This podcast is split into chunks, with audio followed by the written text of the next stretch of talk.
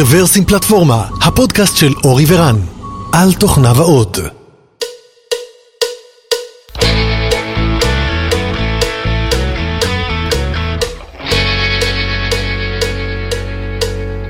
שלום, ברוכים הבאים לפודקאסט מספר 437 של רוורסים פלטפורמה. היום התאריך הוא 15 במרץ 2022. פספסנו ביום את הפאי. וואלה. כן, אבל uh, בסדר, מה, מה לעשות, ימי שלישי זה הימים שלנו. טוב, אכלנו אוזני המן, מי צריך פאי? כן, דרך אגב, אתם יודעים שיום הפאי זה בסך הכל מזימה של חברות שמוכרות מתמטיקה כדי למכור יותר מוצרים. זה ברור לכולם, נכון? אז uh, מה נשמע אורי? אה, בסדר גמור. הייתי חייב להשחיל את הבדיחה הזאת איפשהו. נכון, אף אחד נכון. לא מוכן לצחוק מהבדיחות שלי, אז עכשיו אין לכם ברירה. ואנחנו מתכבדים לארח היום את עומר. היי עומר, מה נשמע? היי, מה שלומכם? ברוך כיף הבא. להיות פה. ברוך הבא, ברוך הבא. אז אה, עומר ון קלוטן, בן קלוטן. אמרתי את זה נכון? אתה אתה לא היחיד ולא הראשון ולא האחרון. זה לא. בסדר. אה, אז זה ון קלוטן. ון קלוטן. אה, איך לא... טעות שלי שבחרתי בשם כזה. מה נעשה? למה הבאת לנו אוזני המן ולא איזה... איך קוראים לזה? הוואפל הזה? אה. סטרופ. כן, סטופ, יפה. כן. טוב, מה נעשה? היום פורים, אז... ב- בסימן סוכר. כמו כל פורים, תכלס. על- סוכר ואלכוהול. כן. אז היום אנחנו הולכים לדבר עם עומר על refactoring ואולי גם על observability, אם נספיק, אבל לפני זה בוא נכיר אותך, עומר. ספר לנו קצת על עצמך. אה, בשמחה, אז אני עומר, אה, אני כיום אה, עובד בפורטר, אה, מגיע ממשהו כמו 21 שנה בתעשייה, אה, ששם זה היה התחלה בצבא, ואז אה, ערימה של אה, סטארט-אפים בכל מיני שלבים, אה, מגוון של תפקידים, כמה חברות גדולות גם, אה, בין אם תפקידי פיתוח, הובלת פיתוח, ניהול כמה פעמים, במקרה גם כמה פעמים product, אה, לא בכוונה, אבל היה מצוין וכיף. אני גם אה, מאוד אה, מחשיב את עצמי כ generalist. אה, אז, אז מאוד נהנה מהכל, כי הכל מסקרן והכל כיף, אז למה לא? הזכרת שהיית פעם product, אז אה, לא יודע אם יצא לכם לראות, אבל רץ ברשת איזשהו סרטון שבו אה, אה, רואים את איש ה product, אה, יש לו, לא זוכר, איזה סיוט או ככה איזושהי מחשבה על אה, רק שהמפתחים לא יעשו refactoring. אז זה הסיוט של כל איש מוצר, שמפתח אומר, רגע, רגע, רגע, אני צריך לעשות refactoring, אז, אז על זה באנו לדבר היום. כן, באנו לדבר היום על הפוסט-טראומה של אנשי ה product אה, וה refactoring שיש. אה, כן, אז, אז, אז מפתח מדופלם, בואו נתחיל בזה. קם בבוקר ובא ומסתכל על הקוד ואומר, "מ, רגע, משהו פה לא נראה לי, משהו פה מסריח, אני חייב לעשות לו refactoring. כן, כמה, כולנו היינו בסיטואציה הזאת, אה, זה פשוט נראה נכון, יש בהרגשה הזאת, בבטן, יש את הקטע של ה... אה, אני חייב לשנות את זה כי זה לא נכון. הכימוס אינו נכון, וואו, כמה זמן עבר מאז ששמעתי את זה בעברית. חיכיתי שאני אוכל לשלוף את המילה- את המילה הזאת. מצוין. אה, אז, אז אני חושב שבאמת אתה צודק ש, שאנשי ה product נמצאים באיזושהי, אנשים שהיו מספיק זמן ב product נמצאים באיזושהי פוסט-טראומה כזאת של אה, רק שאנשי הפיתוח לא יבואו ויגידו לי, אני חייב לעשות refactoring בקוד, כי בתכלס מה הם מקבלים מזה?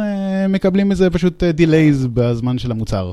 כן, אה, אז בוא רגע נלך, נעשה איזשהו מסע בזמן. אה, אז, אז צריך להגיד, קודם כל אנחנו מדברים את השיחה הזאת בעקבות איזשהו blog post שכתבת, ו-. ונשים אליו לינק, ששם אתה בא וככה שוטח את התיאוריה הקצרה, אני חייב להגיד, אבל, אה, אבל אה, עניינית.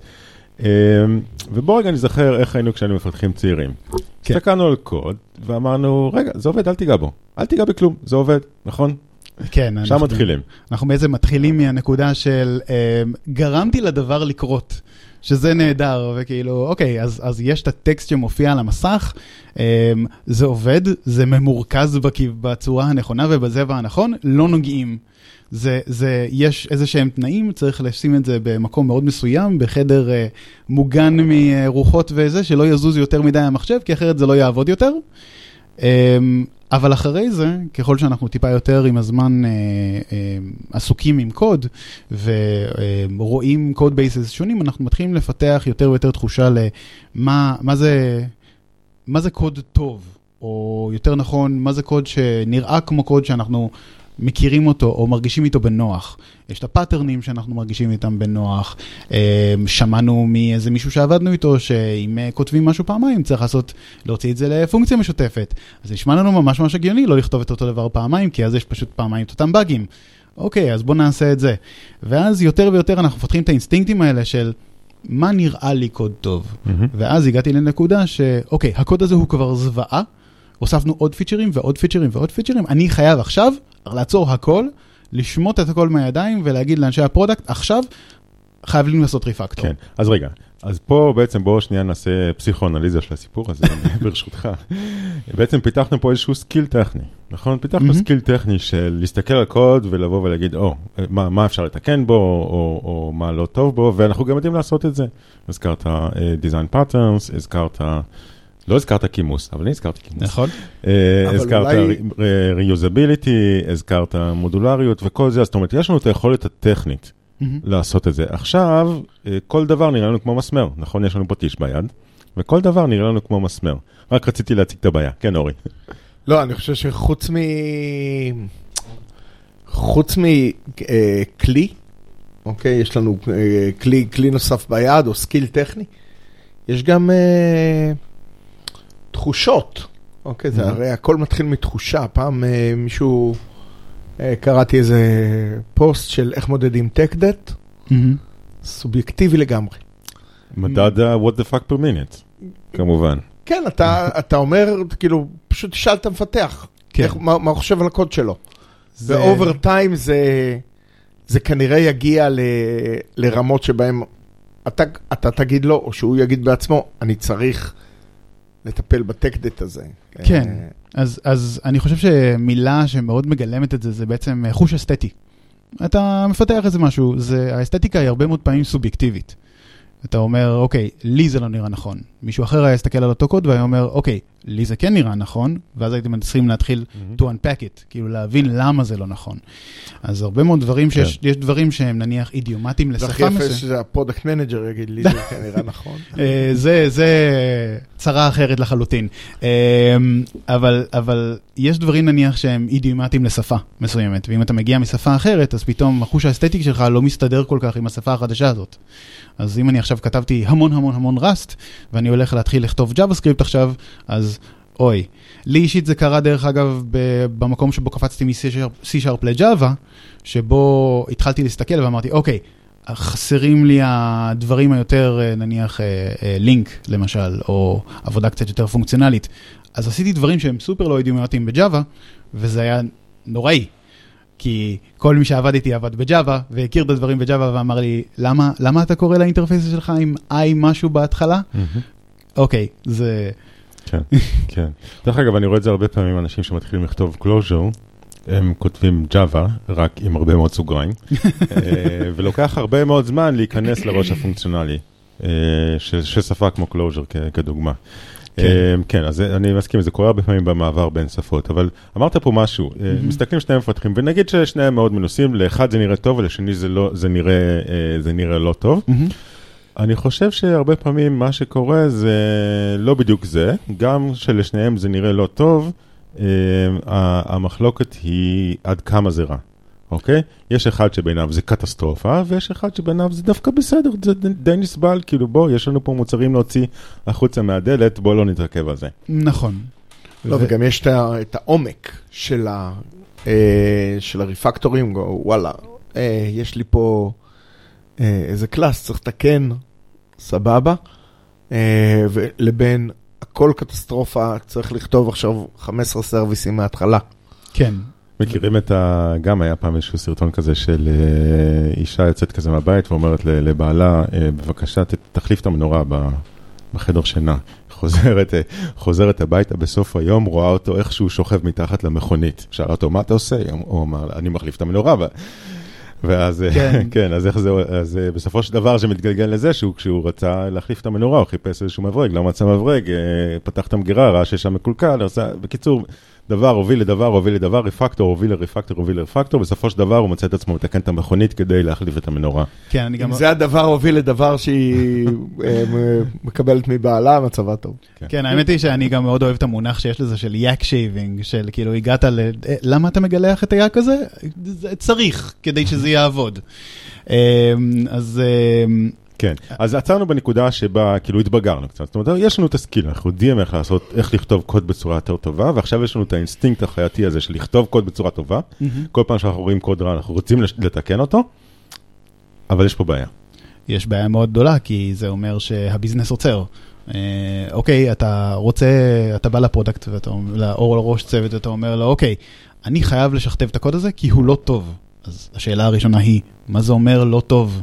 אז אפשר להסביר טיפונת מה זה לא טוב, יש, אה, הוא לא כתוב בצורה הנכונה, כי כך וכך וכך, או הוא לא מודולרי מספיק, או דברים כאלה, אבל פה אמרנו איזשהו, את ה, במשוואה של ה-ROI, אנחנו בעצם תיארנו מה ה-return שלנו. למה לנו זה חשוב, מה זה עוזר לנו. אבל אנחנו לא תיארנו, ו- ונתנו איזושהי הערכה לאינבסטמנט, כמה זמן בערך זה ייקח לי לעשות את זה. ייקח לי חודש לעשות את זה כדי שהקוד יהיה יותר מודולרי, ואני אוכל לישון יותר טוב בלילה. אוקיי, סבבה, זה לא ביזנס גול של החברה שלנו, למה אתה רוצה לעשות את זה? אלא אם כן זו חברה שעוסקת בחלומות או משהו כזה. או, בזה שהאנשים שלה ישנו בלילה. זה, דרך אגב, הלוואי שכל חברה הייתה עוסקת גם בזה. אמ, אז בנקודה מסוימת, אבל זה לא עוזר לנו ליצור יותר פרוד, כמו שעושים בפורטר, זה וזה לא. לא עוזר לנו אה, לעשות המלצות תוכן יותר טובות, כמו שעושים באוטברן, או לפחות לא הצלחנו להוכיח את הקשר, או לא הצלחנו לשכנע שיש קשר. נכון. אה, אז אנחנו, הקטע הוא של בנקודה מסוימת צריך להתחיל להגיד למה זה שווה לנו להשקיע את הזמן הזה. אה, למה זה שווה לנו לבוא ו... להניח דברים אחרים בצד בשביל לעשות את הדבר הזה. אז דברים, למשל, דרך אחת שהיא מאוד מאוד חיובית לעשות את זה, זה לבוא ולהגיד, אני יודע שדיברתי עם ה product manager, ואני יודע שהפרויקט הגדול הבא שלנו הוא אה, להוסיף את ה feature אה, של, לא יודע, לישון יותר טוב, אה, אם כבר עסקנו בחברות שינה, אז אה, לישון יותר טוב, ואני יודע שהקוד שלנו, אם אנחנו נצטרך לעשות את זה, אז ייקח לנו הרבה יותר זמן. מה שאני רוצה לעשות זה אני רוצה להכין אותנו לדבר הזה, כדי שאחר כך ייקח לנו פחות זמן. או לחילופין, אני יודע שיש לנו כרגע כמות אה, מאוד מאוד גדולה של טויל, שזה בעצם העבודה הידנית הזאת, היא הקטנה, שהיא חוזרת על עצמה, ואנחנו משקיעים בזה הרבה יותר זמן על חשבון משימות של לקדם את עצמנו. ואם אני עושה את הריפקטור הזה, אני by definition מקטין את העבודה הזאת. וברגע שמציגים את זה ככה, אה, קורים שני דברים. דבר ראשון, האמירה של אני חייב לעשות את הריפקטור הזה נלקחת הרבה יותר ברצינות. כי ההבנה היא שמסתכלים מתוך משהו יותר רחב. אמ, והדבר השני זה שזה גורם לנו להתחיל לחשוב בצורה טיפה אחרת, על איך אנחנו תופסים את הבעיה הזאת. אנחנו כבר לא תופסים אותה כבעיה אסתטית. אנחנו כבר לא תופסים אותה כבעיה של אנחנו לא עומדים ב patterns או ב idioms של מה שאנחנו עובדים עליו, אלא אנחנו תופסים את זה כבעיה של איך אנחנו נותנים את ה value הזה. כי זה מה שאנחנו עושים, אנחנו מייצרים משהו. כן, אז פה אני חושב יש באמת אה, צדק להשוואה בין אה, חוב טכני לבין חוב אה, פיננסי. כשאתה רוצה נגיד לקנות איזשהו נכס, אז זה בסדר לקחת הלוואה, כי אתה יודע שבסופו של דבר תדע למנף את זה.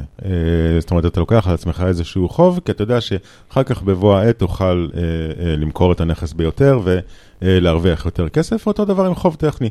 לפעמים אתה יודע שאתה לוקח על עצמך חוב טכני, כי אתה רוצה להוציא את המוצר יותר מהר, ואתה יודע שאתה אחר כך תצטרך כנראה לשלם אותו. יכול להיות גם שהמוצר לא יצליח, ולא תצטרך לשלם, זאת אומרת, אה, אה, הפסדת את הכסף, מה שנקרא. כן. זה יכול לקרות. אני, המטאפורה שאני אני יותר מתחבר אליה מאז ששמעתי אותה, אני לא מסוגל לעזוב אותה לחוב טכני, היא טטריס. של אוקיי, סבבה, רצנו נורא נורא מהר והורדנו את כל הלבנים מהר מאוד, אבל בסופו של דבר אנחנו נפסיד מהמשחק, כי אנחנו לא נוכל לעשות יותר שום דבר. אז תנו לנו רגע לנקות שורות, ואז אנחנו, וכדי שנוכל להמשיך לשחק את המשחק. אנחנו לא מנקים את השורות כדי שיהיה לנו כיף, אנחנו לא מנקים את השורות כדי שאזור המגרש ייראה יותר יפה. אנחנו עושים את זה כדי שנוכל להמשיך לשחק. אז השאלה שלי היא למה עכשיו? כאילו, אוקיי, אתה רוצה שאחר כך יהיה לך יותר קל אה, אה, לרוץ ולכתוב את הקוד, אבל עכשיו זה הדבר הכי חשוב? אז זהו, שזה לא עניין של הדבר הכי חשוב, זה עניין של להיכנס לתוך סט השיקולים האלה של מה הדברים החשובים, ולנסות לשבת ביחד ולהבין ביחד עם product, האם באמת זה תומך מספיק. כי בסופו של דבר, העבודה הכי אפקטיבית שראיתי אי פעם עם product היא לא עבודה של אה, ספק לקוח. אה, זה העבודה הכי גרועה שראיתי. הכי טוב זה אה, עבודה של partnership. אתם הולכים יד ביד לכיוון אחד מאוד מובן לכולם. וברגע שיש את ההבנה הזאת, אז גם product יותר משתפים את הפיתוח בלאן הולכים ולמה, וגם הפיתוח בא ואומר, אנחנו מבינים לאן אנחנו הולכים, ולכן אנחנו מביאים דברים שאולי אתה כ product לא היית מבין, אבל אנחנו מבינים שהם יקדמו אותנו לכיוון הזה. כמובן שיש גם, כולנו בני אדם, כולנו יש לנו את החוש האסתטי שלנו ואנחנו צריכים לחיות עם מה שאנחנו בונים, אנחנו בונים משהו, אז יש דברים שאנחנו נעשה כי הם קטנים והם חשובים והם נקודתיים. כמו כל ה, אמ, הדיבור על boy scout rule, של כל סיימתי את העבודה שלי במקום מסוים, אני אשאיר אותה יותר יפה משקיבלתי אותה. אני אוסיף עוד טסטים, אני אוסיף עוד דוקומנטציה במקומות הנכונים, אני אבין שהשארית קוד הזאת הייתה לא במקום, ויש לי את המרווח נשימה לעשות את זה. אני לא מדבר על דברים כאלה, אני מדבר על דברים שהם explicitly צריכים זמן, הקצאת זמן בשבילם. אוקיי. Okay. אני אשחק רגע את פרקליט השטן. אה, אז אתה מכיר את זה ש... שוב, נסתכל נגיד על יחסי הגומלין בין, בין product ל, ל, לפיתוח. שואלים אותך כמה זמן ייקח ה feature. אם בא לך לעשות אותו, אתה אומר יומיים. אם לא בא לך לעשות אותו, אתה אומר שבועיים. נכון, זה, זה כלל, אה, זה א' ב' של, של למה פיתוח. אתה מגלה? אבל refactoring תמיד בא. זהו, עכשיו. לא, רן, אל תגלה, זה כל הסודות אתה פותח עכשיו. אל תדאג, אין, אין שם מוצר שמקשיבים לנו. אה, אוקיי, סבבה. אה, אותו דבר ב refactoring. אתה בא ואומר, תקשיב, איש מוצר יקר, אם אני אעשה את ה refactoring הזה, אחר כך הכל יוניקורנים ו rainbows. הכל פה יהיה. אה, מדהים. אתה, כל feature, בשנייה אני מטיס לך אותו. אוקיי? אבל למה שאיש המוצר יאמין לך? זאת אומרת, אה, אה, אתה יודע, וגם לפעמים אתה טועה, בוא, כאילו, אתה יודע, הרבה פעמים אנחנו עושים refactor, אנחנו רואים שאוקיי, זה לא, לא בדיוק מה שחשבנו שהולך לקרות. חד משמעית. אז, אז פה, פה נכנס האלמנט של, אה, של היחסים בין אה, פיתוח לבין product. אה, במקרה של, כמו שהתחלנו בתכלס, מזה שאמרנו, כל refactoring הוא בעצם טריגר ל-PTSD של product. למה? כי הם חוו את הדברים האלה שכרגע סיפרת. מישהו אמר, אה, זה refactor של יומיים, ואז הצוות היה מושבת לחודש. כולנו ראינו את הדברים האלה. הפואנטה פה היא לייצר את האמון ההדדי הזה, את ההליכה יד ביד הזאתי, וברגע שיש את ההליכה יד ביד הזאתי, מה שקורה זה כל מיני אפקטים מאוד נחמדים, כמו למשל, יותר קל להודות בכישלון, כי אנחנו ביחד. כי אנחנו תומכים אחד בשני, וזה לא עניין של למה לא הבאתם לי את הפיצ'ר הזה תוך יומיים כמו שאמרתם שתביאו אותו, אלא יש את הידבידיות הזאת. Um, עוד דבר שזה עושה, זה, זה מקטין את ה feedback loop. זה אומר שבמקום שאני אגלה, אה רגע, ה refactor הזה היה אמור לקחת יומיים, עכשיו הוא לוקח חמישה ימים, אני לא אגלה את זה כשהגיעו החמישה ימים. אני אחרי שלוש שעות של עבודה על ה refactor, אני אגיד, רגע, רגע, רגע, יש מצב שזה יותר גדול, ואני אה, אה, אה, אתן נגיעה קלה בכתף של איש ה product שלי ואגיד, תקשיב, יש מצב שזה טיפה יותר גדול ממה שחשבתי, בוא נדבר על זה שנייה. ופה אנחנו נכשלים בקטן. ואנחנו נכשלים כל הזמן. והאינקרמנטים הקטנים האלה אומרים שהכישלון פחות כואב. ולכן, פחות נורא להיכשל בדברים כאלה, כמו הערכות זמנים, ריפקטורינגס, או, או החלטות, כל החלטה שיש.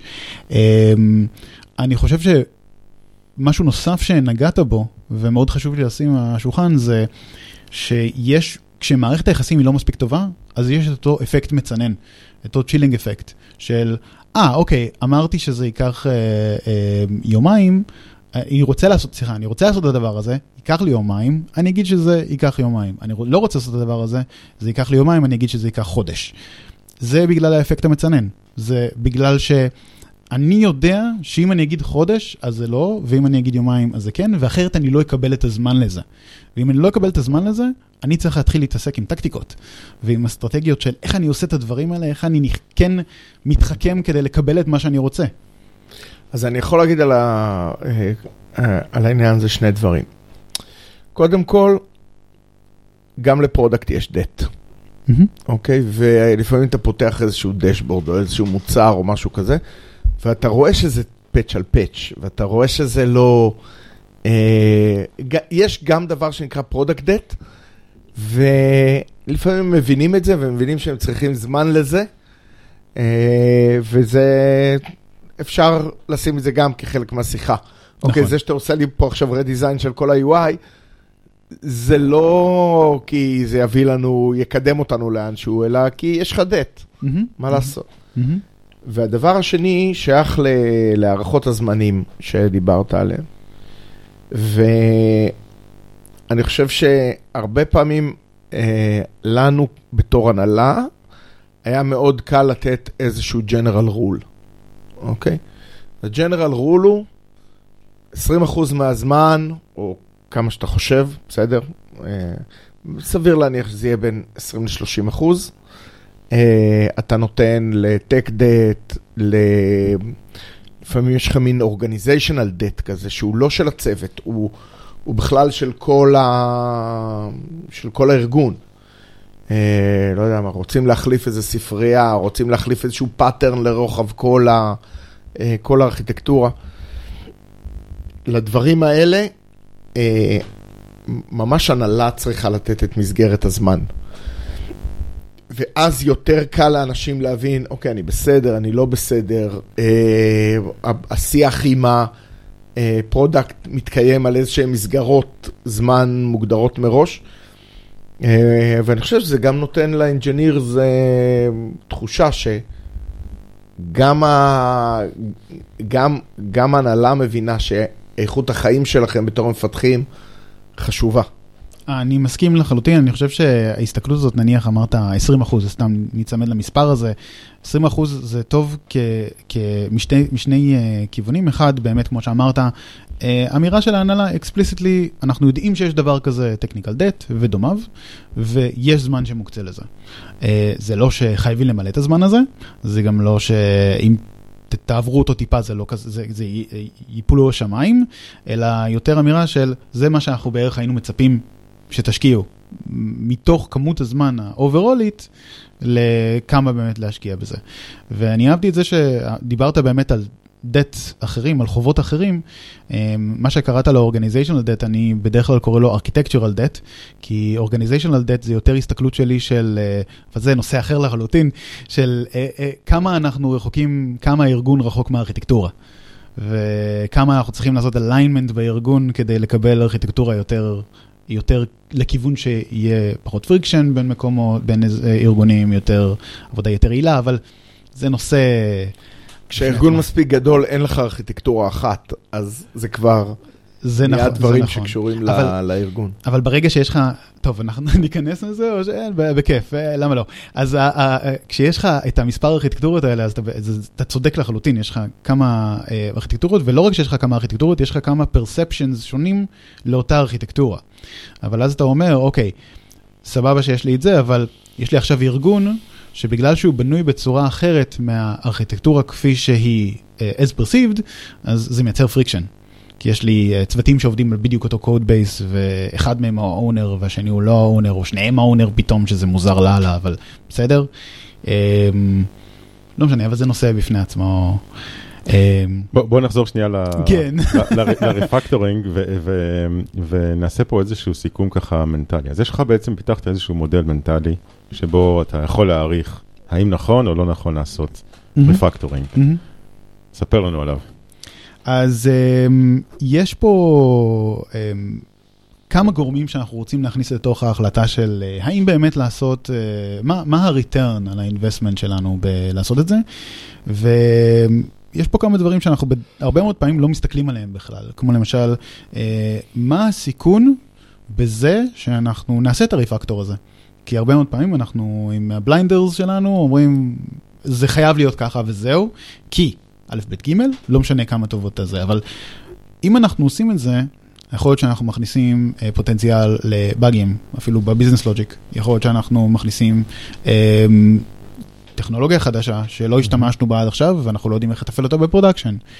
אמ, לחילופין, אז זה בעצם risk של לעשות את זה. לחילופין יש לנו גם risk בלא לעשות את זה. מה קורה אם אנחנו עכשיו לא עושים את ה refactor הזה, או עכשיו, או אחר כך, או יותר מאוחר וכולי. מה אנחנו הולכים להפסיד פה? מה, נניח, יכול להיות שיש לנו risk יותר גדול להערכות זמנים. לגיטימי לחלוטין. Mm-hmm. יש risk גדול יותר ב... נניח הייתה לנו התחייבות מול לקוח גדול, כי אנחנו אה, משרתים Enterprise Customers, יש risk, אנחנו לא נצליח להוציא את הפיצ'ר הזה בזמן, סליחה, יכול להיות שאנחנו לא נוציא את הפיצ'ר הזה בזמן, יש risk, ננסה, ננסה ל, ל, לתת אותו באיזשהו מילים או, או כמותית או משהו שעוזר לנו טיפה להעריך. יש גם את הקטע של בוא נשאיר את ה refactoring הזה לאחרי הרליס. נכון. נכון? נכון, זה שזה גם... שזה מין סוג של זמן כזה שלא קיים, כי עד- סיימת כן. את הרליס, מיד מתחיל הרליס הבא. גרסה 2 לא קיימת, כן, כן. זה האמירה הקלאסית הזאת. אה, אלא אם אתה- כן, אין לך לקוחות. כשאין לקוחות הכל טוב. כן, וזה... זה... אמ, כן יש את האמירה של אה, לשים את הזמן הזה בצד אחרי הריליס, אם אנחנו כן מחליטים שאנחנו עושים את זה quick and dirty במרכאות לפעמים, או דברים כאלה, אבל אה, שם צריך לבוא ביין אמיתי מהנהלה, של אמירה של אנחנו מכירים בזה שיהיה לנו, בגלל שאנחנו מגיעים לביזנס גול הזה במהירות גבוהה, אז ההגעה תהיה בנקודה א', ובנקודה ב', סיימנו את זה באמת, כמו שצריך. אבל לא יודע עד כמה זה עובד uh, בפרקטיקה. אני רוצה להגיד רק שהנה, יש פה את הלוח הזה, לא משנה, זה איזשהו שינוי מאוד גדול, שאגב, הכרזנו עליו ב-Outbrain בשבוע שעבר, Mm. אה, שקשור לאיך להביא דברים שעושים אימפקט. אה, אה, גם קדימה, להתרכז על האימפקט ו- וכולי. ופה האדום, כחול, ירוק הזה, זה שלושה שלבים של קרול ווק רן, שב crawl ו walk אתה בגדול מנסה דברים, ורואה שיש להם, אה, יש להם impact, וב run אתה... רן, אהלן. אה, F5, היו קוראים לי F5 בגן. כן, אבל uh, ב run אתה בעצם מהדק ומכין ל production. אז כאילו, יש לך אפשרות לעשות, כשאתה מגיע ל run, לגיטימי לזרוק את כל הקוד, לבנות אותו מחדש, בתנאי שאנחנו, הוא, הוא עושה את מה שאנחנו רוצים, אבל כבר כשאתה מביא משהו ל production, תעשה אותו טוב. כן, אה, גם הרבה מאוד פעמים ה-technical debt נצבר מהנחות שלנו שהיו לא נכונות. בין אם זה הנחות פרודקטיות, הנחות ביזנסיות או הנחות אה, טכניות. וכל פעם אנחנו מוסיפים עוד איזה שכבה של קומפלקסיטי, ומתישהו צריך לקלף אותן. ולהגיד, אוקיי, העולם נראה שונה ממה שהוא נראה כשחשבנו כשהתחלנו. בוא נשנה את הקוד to match that. Uh, ואני מאוד מבין מה אתה אומר, אני חושב שמשהו שמאוד תופס לי את העין באותו לוח שהמאזינים לא שומעים, לא רואים אותו, זה uh, sustainability at scale. שאני חושב שזה, לפחות אצלנו פנימית דיברנו על uh, מה, מהו GA uh, למוצר, ולקח לי הרבה זמן להגיע לזה שאני חושב שהדבר הכי הגיוני זה שזה sustainable at scale. כי אם אתה יורק דם על, על כל... Uh, על כל לקוח חדש שמצטרף למוצר, אז זה לא סוסטיינבל, ולסקייל אתה לא תגיע, כי אתה, יהיה הרבה חללים בדרך. אמ, אבל כן ניישר את עצמנו, אני אוהב את זה שאנחנו כל הזמן אה, מתבדרים, זה, זה אומר שזו שיחה טובה. אנחנו פונקציה מבדרת. אה, מתאים לפורים. כן, לגמרי. אמ, אז, אנחנו נחזור זה- זה הכי מצחיק שלנו, עד כאן. כן, אנחנו נפסיק. אה, אז, אה, באותו, נחזור למנטל מודל, דיברנו על שני דברים עד עכשיו, אמרנו... דיברנו על risk of doing it, מהמם. risk of not doing it. בדיוק, ועכשיו אנחנו מסתכלים על הדבר שהוא קל, הכי קל לשים על השולחן, זה cost. כמה זה עולה לנו. אה, עכשיו, זה לא רק כמה זה עולה לי כהמפתח בזמן, אלא זה כמה זה עולה לי ב-attention, כמה זה עולה לי בצוותים אחרים שצריכים להתיישר, אם הם צריכים להתיישר, כמה זה עולה לי בכל אה, עבודה של, אולי אה, אני צריך אה, אנשי operations או DevOps שיהיו עם זה, או אם יש לי QA ידני, אני צריך אנשים של QA שיעשו... כמה גדול היאק שצריך לגלח. זה גם נכון מאוד. אה, יכול להיות שהוא מאוד גדול ואנחנו לא יודעים עד שאנחנו לא באמת נשב ונחשוב על זה ונתכנן אותו טיפה יותר טוב. במהלך הקלטת פרק זה לא נפגעו יאקים. אה, אתה אמרת שזה יהיה הכי מצחיק שהיה עד עכשיו, אני מצטער, אה, זה לא...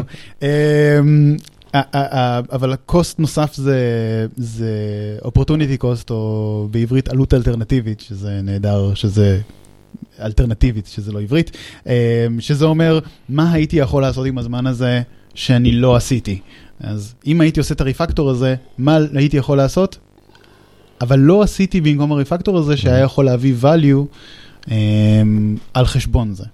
אה, ואז זה גורם לריפקטורינג גם אולי להצטמצם, ל- להגיע, ל, בוא נגיד, לגודל הנכון שלהם, כי אתה יודע, אה, החלפת אה, נורה. בדיוק, זה. זה אותה החלפת נורה שקל מאוד להיסחף. אתה צודק, ממש, אה, ברגע שאתה מתחיל לחשוב בצורה הזאת, מה שזה עושה זה אתה מכניס את החשיבה הביקורתית לתוך הראש שלך.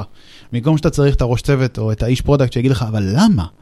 כאילו, מה, מה, מה אנחנו משיגים בזה? זה, אתה כבר מתחיל לחשוב את הדברים האלה מראש.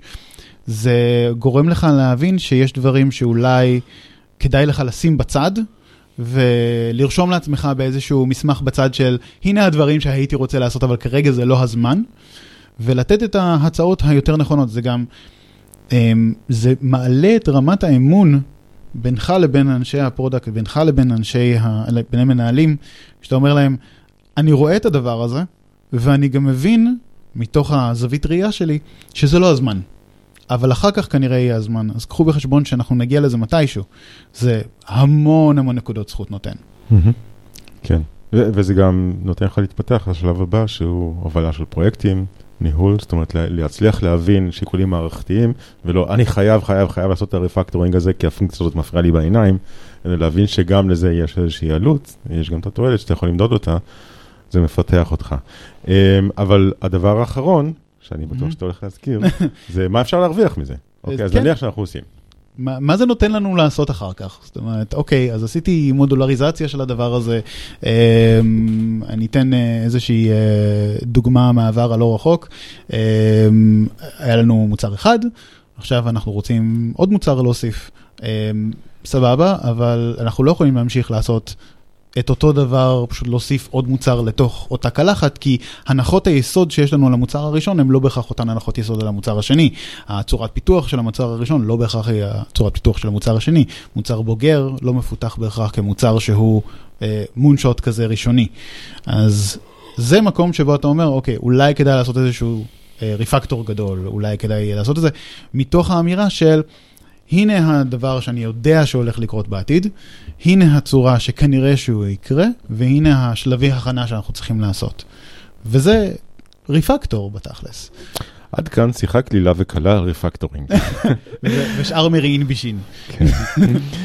אמ, אבל יש עוד נושא קצר שרציתי לדבר ולהתעכב עליו, אה, אמרנו בתחילת הפרק, קודם כל זאת הייתה שיחה על refactoring וחשבנו שזה הולך להיות קצר, אבל אה, הנה, אה, נהיה לנו מעניין אז, אה, אז המשכנו. החלפנו נורא. כן, החלפנו, מנורה. אמ, אבל אה, הקלטנו לא מזמן איזשהו פרק על אה, Observability עם אה, ניתאי, וניתאי בעצם בא והציג איזושהי זווית מוצרית. זאת אומרת, חברה שמייצרת מוצר בתחום של Observability, והוא בא וככה אה, שטח את המשנה שלו של אה, איך, איך אה, לתפיסתו, לתפיסת החברה והמוצר שהם בונים, אה, צריך לעשות את זה, ואז כזה עומר פנה אליו ואמר לי, תראה, זה מאוד נכון, אבל יש גם גישות אחרות, יש גם הסתכלות אחרת, אה, אה, דרך אחרת להסתכל על הדברים. כן, אז- אז אה, מה, ש, מה שהיה מאוד מעניין זה אה, הסתכלות מתוך העולם אה, של אה, מטריקות. אה, מטריקות ולוגים וטרייסים, שזה בעצם ה-three pillars, מה שנקרא. אה, אבל אני רוצה לקחת צעד אחורה ולהגיד, אוקיי, אנחנו כרגע מסתכלים על מערכת. מה בתכלס הייתי רוצה להוציא מ- מהכלי production שלי, הכלי monitoring שלי? הייתי בתכלס רוצה לדעת מה קורה ב production. לא הייתי רוצה לדעת אה, אה, מה חשבתי שנכון להסתכל על production, אלא באמת מה קורה ב production. אז אם אני לוקח נניח את המטריקות, מטריקות אומרות איזה דברים הייתי רוצה לספור ב production. מה זה אומר? אני לוקח ואני עושה אגרגציות של איזושהי נגזרת. כמה יוזרים, unique users, או כמות יוזרים שיש לי במערכת בכל נקודת זמן, כמה היה לי בחודש האחרון וכולי וכולי וכולי, ואז אני אומר, רגע, כמה 500 errors היו לי? אה, אני צריך לייצר מטריקה חדשה כזאת, להתחיל לספור אותה. אוקיי, זה אומר שאני צריך לשנות את הקוד שלי, וזה אומר שהחל, מה, רק החל מהרגע שעשיתי deploy לדבר הזה, יש לי את המטריקה החדשה הזאת. כן, תודה. אז זה, זה בעצם מה שאתה מתאר פה, זה monitoring, שזה למדוד את הדברים שאנחנו יודעים שאנחנו צריכים למדוד. מהמם, אבל רק- צריך לדעת מראש, כן. נכון? אחרת זה לא יהיה שם. ולא רק זה, אלא גם הר... רוב כלי ה monitoring מאוד uh, מוגבלים בנניח uh, כמות הערכים שיכולים להיות בכל dimension וכמה דיימנשנים כן. יכולים נכון, אי להיות. אפשר למדוד הכל. אי נכון, אפשר למדוד אי הכל, זה לא פרקטי. וגם אם זה- תמדוד הכל, אתה לא תמצא את עצמך זה אחר כך. fact of life, אין מה לעשות, צריך להביא, לשנות את כן. הצורה, ה mental Mhm. model שלנו, כדי להכיל את המגבלה הזאת. אה, אוקיי, אז יש לנו, זה כלי אחד, הכלי שני זה logging, אני רוצה לדעת מה קורה בתוך המערכת שלי, סבבה, אני הולך ועושה tail minus F על הלוגים, אה, ומסתכל עליהם, או מסתכל ב Elasticsearch או whatever שאני משתמש בו, ואני אומר, יופי, אז יש לי עכשיו את הזה, אני יכול בנקודות שאני אשכרה כתבתי את הלוגים האלה, אני יכול להבין מה קרה בערך. למה? כי הלוגים האלה הם חסרי הקשר.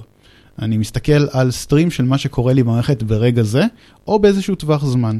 אני יכול לפלטר אותה לפי, נניח אם רשמתי איזה user זה, אני יכול לדעת איזה user וכולי וכולי, אבל הם שוב, הם נטולי הקשר לחלוטין. כן, אז- דרך אגב, זה מסוג הדברים שקצת יותר קל לעשות במונוליט, והרבה הרבה יותר קשה לעשות באוסף של micro services. נכון. אבל, אבל נכון, זאת אומרת, לוג זה סוג של point in time. אתה נכון. מסתכל על זה, אבל אתה קשה, קשה לך מאוד לדעת מה קרה לפני זה, מה קרה אחרי זה, וכמה דברים אחרים קרו במקביל. לא שזה לחלוטין בלתי אפשרי, תיאורטית, המידע נמצא שם, אבל מאוד מאוד קשה במבט אה, אה, על הלוגים להבין, לקבל את התמונה המלאה. אלא אם כן אתה אוסף את כל הלוגים של ה micro services שלך לתוך... כן, כן, אז אומר, ו- עכשיו, זה נכון. לא שהמידע לא קיים, הוא, הוא קיים, רק מאוד מאוד קשה לקבל תמונת מצב. אתה יודע, זה כמו שאתה אתה נמצא בקרב, יש לך ערפל, יש לך מלא, יורים עליך מכל כיוון, אה, אוקיי, תאורטית יש לך את האינפורמציה, אבל לבוא ולקבל תמונת מצב אה, אה, ברורה, זה מאוד מאוד קשה מלוגים, כי הם יחסית low level. נכון, אתה רוצה בעצם אה, לקבל context, ואתה לא בהכרח מקבל את ה context הזה אה, סביב אותו log line. Tracing, tracing, אז tracing זה דרך לבוא ולהגיד, אה, רגע, אוקיי, יש לנו במקום מונוליט, יש לנו עכשיו microservices, אני רוצה להבין איפה הבקשה שלי עברה, בקשה אחת אינדיבידואלית, אז אני לוקח כלי כמו Jaeger או משהו כזה, ואני מסתכל ואומר, אה, אוקיי, הבקשה הספציפית הזאת שיש לי את ה-ID שלה, שהבאתי אותה מה logging system שלי, בגלל שה monitoring שלי אמר לי שיש לי את זה, אז אני עושה copy-paste בין uh, כל מיני זה, עושה קורלציות בראש, ואומר, אה, אוקיי, ה- ניקח את ה trace הזה, כי ה trace הזה כנראה מייצג את הבעיה הכללית שיש לי. אה, אוקיי, אה, זה נחמד לדבר מאוד מאוד נקודתי, אבל גם מה פספסתי בדרך? איזה 500 טרייסים אחרים לא הסתכלתי עליהם? קשה מאוד להסתכל עליהם, אני צריך איזשהו, אז אני צריך לעשות איזושהי אגרגציה מעל tracing, וזה קשה ממש לעשות דבר Mhm. כזה. דרך אגב, אה, אני חושב שמעניין להגיד שבפרק הקודם שהקלטנו עם איתן מ Optibus, אה, הוא בא וסיפר על איזשהו כלי שהם בנו פנימית, שהוא בא ואמר, אוקיי, אנחנו יודעים להקליט traffic, ואם יש שגיאה אז אני אשלח לשירות monitoring שלנו, שכחתי מהו, ואז הוא יודע למצוא את כל, את כל האינסטנסים הנוספים של אותה שגיאה, כן. שזה קצת דומה למה שאתה, שאתה מתאר- מתאר פה. בוא, בוא תביא לי עוד דוגמאות, ספר לי באיזה עוד מקרים זה קרה. אז, אז אני, אני אתן איזשהו, במק- אם, אם לא אכפת לך, במקום דוגמאות, אני, אני אתן איזשהו כלי חלומי שהייתי מאוד שמח לקבל אותו, שהוא, אני יכול לקחת את המערכת שלי ולייצר distributed uh, traces, כמו שבדרך כלל, ואני נותן את כל ה-dimensions של כל העולם, מה שבא לי, באיזה קרדינליטי, זאת אומרת, כמה ערכים שאני רוצה בכל property, dimension, whatever. ואני רוצה לזרוק את זה לאיזשהו משהו, ושהוא יעשה לי את הקראנצ'ינג, ויהיה לי איזה פלטפורמת BI כזאתי, שתעשה לי את כל ה... אה, אוקיי, אני רוצה לדעת, אה, תן לי אה, את כל היוזרים שכמות הזמן שהם בילו במערכת היא יותר גדולה מ-X, ובואו נראה מה מייחד אותם. מדהים, כאילו זה, זה חלום, אני לא צריך, אחרי זה אני לא אצטרך לוגינג, אני לא אצטרך טרייסים, אני לא אצטרך מטריקות, אני פשוט יכול לעשות אגריגציות על מה אשכרה קורה בתוך המערכת שלי. אז זה נשמע אחלה וזה נשמע מאוד מאוד חלומי וזה נשמע גם... למרות ש... ו... למרות ש... אה, רגע. כן, למרות ש... ו- ונניח שטכנית זה, זה אפשרי, אוקיי. okay. יש חיסרון בגישה הזו שאני רוצה להצביע עליה, מהמם. שזה, שבזמן פיתוח אתה לא חושב על הדברים האלה. אם אתה אומר, אחר כך מישהו יאסוף ויאגרג ויראה לי את, הכל, את כל התמונה, אתה לא צריך לחשוב על זה בזמן הפיתוח. ופה יש חיסרון. אתה לא חושב על, אם אתה לא חושב על המטריקות שלך בזמן הפיתוח, כמו כמה בקשות לשנייה, כמה גישות ל database, מה מהמם. ה-latency של כל זה, אתה גם אה, בסופו של דבר תייצר קוד פחות טוב, כי, כי, כי, כי זה לא במודעות שלך, אתה, לבוא ולמדוד את זה.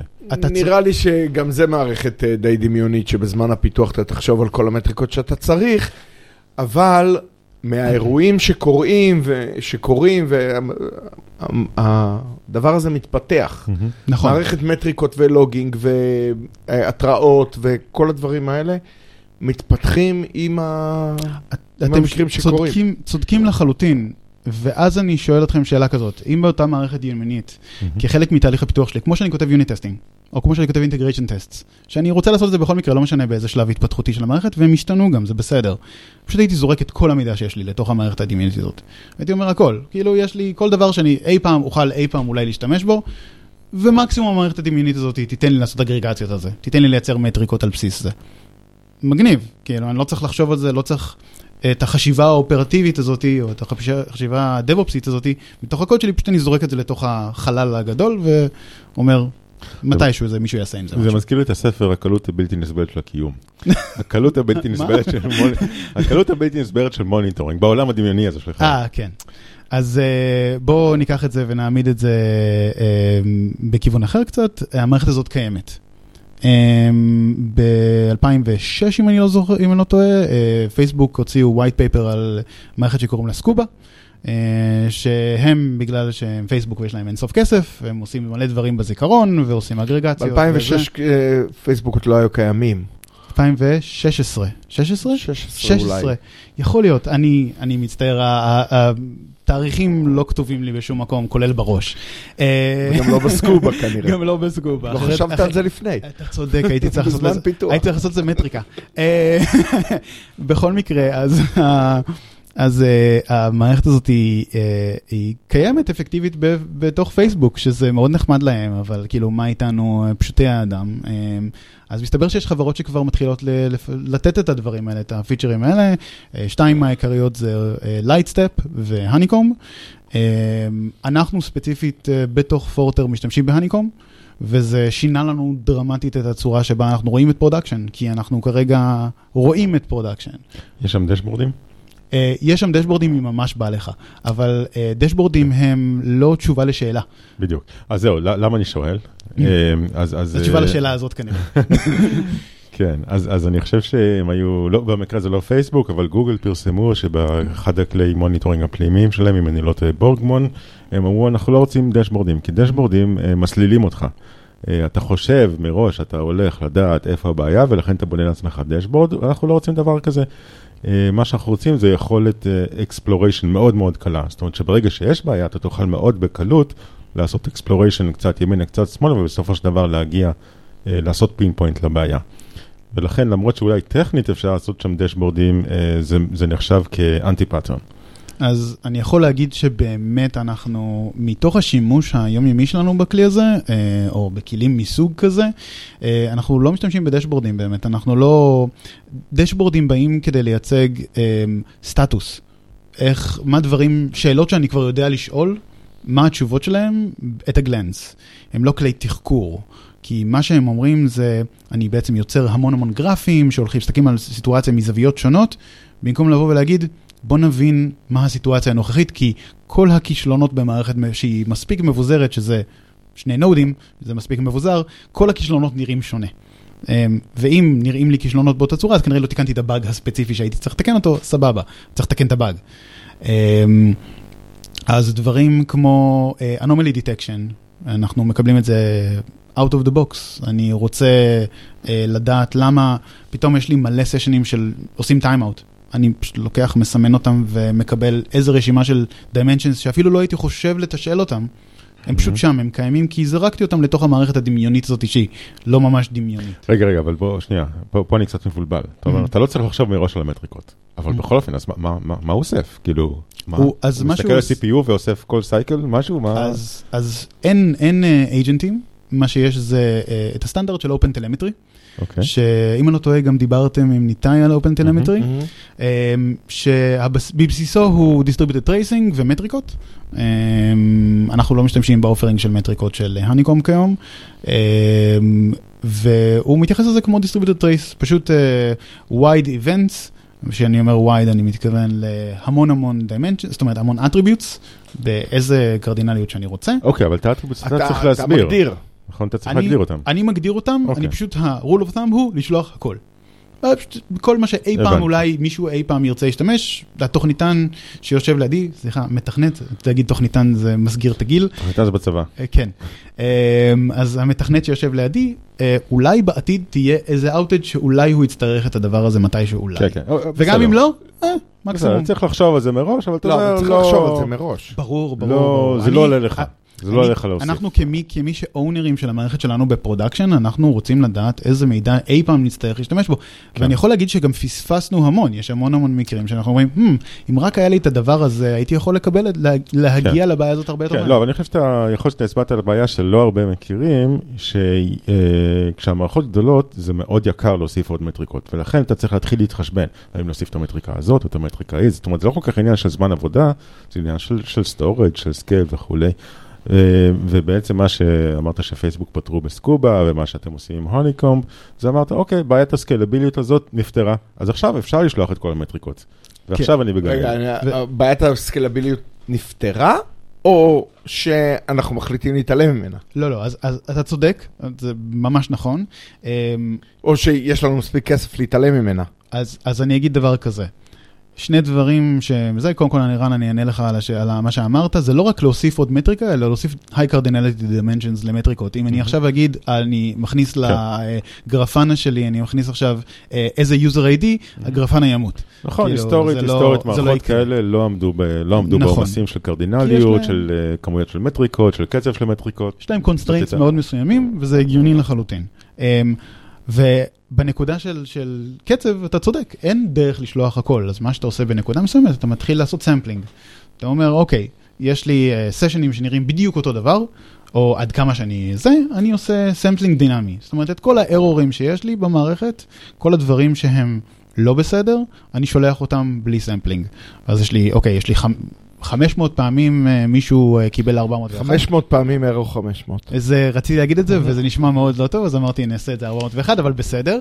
אמ, אז אתה יכול לבוא ולהגיד, אוקיי, אנחנו, אני אתן לך דוגמה למשל, אמ, אנחנו גילינו הרבה מאוד פעמים שנניח בלקוחות עם אה, throughput יחסית נמוך, אז קיבלנו אלרטים, על מה קיבלנו אלרטים? מלא, אחוז ארורים גבוה ממש. הסתכלנו על זה ואמרנו, אה, אוקיי, זה user שעושה retry, retry, retry, retry, וכאילו, זה פשוט היה throughput, ה baseline היה כל כך נמוך, שזה, שזה גרם לנו להבין, אבל בשנייה אנחנו אומרים, אוקיי, זה ה-user ID הזה, אז עכשיו אנחנו יודעים את זה. אבל אתה, אתה צודק שבקצבים סופר סופר סופר גבוהים, אתה חייב איפשהו להתפשר. כי אין דרך, המערכת הזאת אמנם היא כבר לא דמיונית, אבל אנחנו גם לא יכולים באמת, יש איזשהו, אה, גם לה יש constraints מסוימים. אז לפעמים יש בשימוש טוב, לפעמים יש בשימוש לא טוב. אה, בפורטר למשל, אה, אנחנו משתמשים בה בקצב מסוים, בקצבים מסוימים, יש אה, חלק אחר במערכת של פורטר שאני לא הייתי ממליץ להם להשתמש בזה. כי פשוט ה-throughput הוא כל כך גבוה, והבעיות הן כל כך לא מתאימות לסוג כלי כזה, שלא הייתי, מת- לא הייתי ממליץ. אולי הם היו יכולים להשתמש בזה, אם הם היו ממש מתעקשים, אולי זה היה באמת מתאים להם, אני לא יודע. עומר, אז אתה היום בפורטר, או, במקרה. איפה אתם נמצאים? באיפשהו בתל אביב כזה? כן, אנחנו בתל אביב, יש את אחד הבניינים החדשים האלה ליד אה, תחנת אה, רכבת מרכז, דרומית לשם, איפה שהיה רסיטל. אה, למי שלא מכיר את Forter, דרך אגב, אז אנחנו עוסקים באמון, שזה מאוד מתקשר יפה לנושא של השיחה היום, אבל לא בכוונה. אה, אנחנו מתעסקים יותר באמון בעולם של הכלכלה הדיגיטלית. אה, מה זה אומר? אה, אם אתם עכשיו מנסים לעשות איזשהו תשלום באתר e-commerce, או אתם מנסים ליצור account באיזשהו אתר, או אתם עושים איזושהי פעולה מסוימת, אז הרבה מאוד פעמים Forter נמצאת שם ואומרת, זה הגיוני. אה, אפשר, אפשר, אה, זה, זה לא fraudster, זה לא מישהו שמנסה לרמות את האתר, זה לא עכשיו מישהו מנסה לייצר איזה fraud ring, או אה, לעשות, אה, אה, עם כרטיס אשראי גנוב, לנסות אה, לעשות רכישה. אה, אני ספציפית נמצא ב line מוצרים חדש יחסית, אה, שהוא יותר מסתכל על הצד השני. לא רק אה, האם זה fraudster או לא fraudster, אלא גם אם זה לא fraudster לפי Forter, ו Forter יודעת את זה מאוד מאוד יפה, איך אנחנו יכולים לעזור לשאר השחקנים במגרש להבין ש, שזה לא fraudster, או שהרכישה הזאת לגיטימית. וזה אתגר מאוד מאוד גדול, כשהסטטיסטיקה הרווחת היא שמשהו כמו אחת מעשר רכישות באינטרנט שהן לגיטימיות פשוט לא מצליחות. ואנחנו שם לנסות לעזור. כן, הבנתי. אז אתה רוצה למנוע את ה-false negatives. אה. זה תלוי מה הנגטיב שלך, אבל בגדול כן. כן, האנשים השליליים האלה. אה, כן, זאת אומרת, אתה אומר, אתר שחוסם user לגיטימי מלקנות. את זה אתה רוצה. אתר שחוסם user לגיטימי, חברת אשראי, כן. הבנק. אמ, בסדר. אתם בטח מבקשים, אה, מגייסים טונה של מפתחים. אנחנו תמיד מגייסים טונה של מפתחים. אמ, מפתחים באים אליכם במשקל? אנחנו, זה, טונה מספיק- metrics. מספיק אחד בטונה. אנחנו מגייסים המון מפתחים להמון המון, אה, בכלל ב Forter יש... איך אה, נראה ה stack הטכנולוגי שלכם היום? או-אה, אז אמ, בכל אזור הוא יחסית שונה. יש לנו אזורים שהם מאוד Data Intensive, אז אה, כל העולמות הקלאסיים של Data Intensive Compute או Intensive Processing, אה, Stream Processing וכולי. יש לנו אזורים אחרים שהם יותר אמ, מאוד מוכווני product. יש לנו אזורים שהם יותר תשתיתיים, דברים, אתגרים מאוד מעניינים, ואני חייב להגיד, אה, בתור מישהו שעבד בלא מעט סטארט-אפים, אחת החברות עם ה culture הכי, הכי כיפי שיש, אה, והכי נעים שיש, אז אה, אני נהנה. ובנימה אופטימית זו. אז תודה רבה שבאת. תודה רבה, מעניין. עומר. תודה רבה לכם, היה ממש. כיף.